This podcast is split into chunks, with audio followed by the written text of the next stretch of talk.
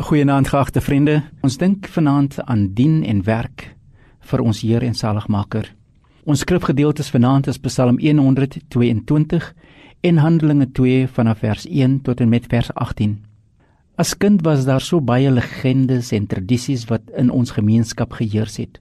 U kan u self voorstel wat die legendes en tradisies, die gesegdes moes gewees het in die tyd van Jesus en sy disippels maar die een werklike verhaal wat uitgestaan het bo enige tradisie of legende was dat Jesus die dood oorwin het verskyn het aan sy disippels nadat hy uit die dood opgestaan het. Aan hulle is daar vrede geskenk en toe Jesus aan hulle verskyn het hy hulle bemoedig om die ware boodskap van verlossing aan die wêreld te verkondig. Nadat Jesus opgevaar het na sy Vader moes die kerk vir 'n besondere lang tyd op mondelinge tradisies staatmaak. En hierdie mondelinge tradisies was absoluut oortuigend, want almal het dieselfde verhaal vertel en dieselfde taal gepraat.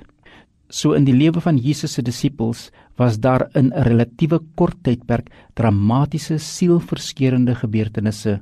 Ek wil dit graag as volg saamvat. Jesus is gekruisig. Die Joodse owerhede was op soek na die disippels en almal wat met die Nasareener verbind kon word. Jesus staan op uit die dood. Die disippels ontmoet agter geslote deure. Vrees en angs het die disippels magteloos gelaat. Nogtans maak Jesus sy verskyning in hul midde. Hulle die disippels het nie eens verstaan nie. Toe onthou hulle en hulle harte was brandend toe die seun van die mens met hulle praat.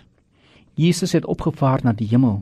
Dit is 40 dae na die opstanding en 10 dae later die Pinkstertyd en die uitstort van die Heilige Gees. God het hierdie groep gelowiges op 'n skouspelagtige manier van sy teenwoordigheid bewus gemaak.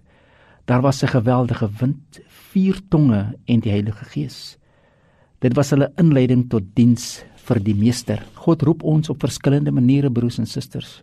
Wat ook al die gebeure of geen gebeure ons ontvang die krag deur die Heilige Gees en so lei God ons om sy wil te doen. Hierdie vier tonge waarvan gepraat word, neem ons terug na die Ou Testament en veral Moses en sy roeping by die brandende bos. Die vuur is die simbool van God se suiwerende teenwoordigheid. Die vuur en die wind is ook die simbool van die krag van die Heilige Gees. Die feit dat die Gees verdeel en op almal neerdal, is 'n duidelike teken dat God se teenwoordigheid nou beskikbaar is aan elkeen wat in hom glo.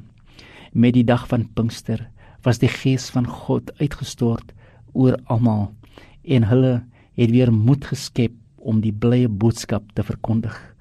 Ons as gelowige broers en susters word geroep tot 'n taak, die taak om God te dien in ons wêreld en die verhaal van sy verlossing met ander te deel. En dit is seker die mooiste en die beste wat ons vir die meester kan doen, soos ons hierdie aand afsluit om ander te vertel dat hulle kan luister hoe pragtig die woord van God tot ons spreek en hoe ons hierdie woord van God kan uitleef en hoe wonderlik dit is, gagte vriende, om te wandel en te doen dit wat God van ons verlang. Die Gees van God gee vir ons wonderbaarlike krag om te staan vir die waarheid van die evangelie. God seën ons hierdie dag om sy naam se wil. Amen.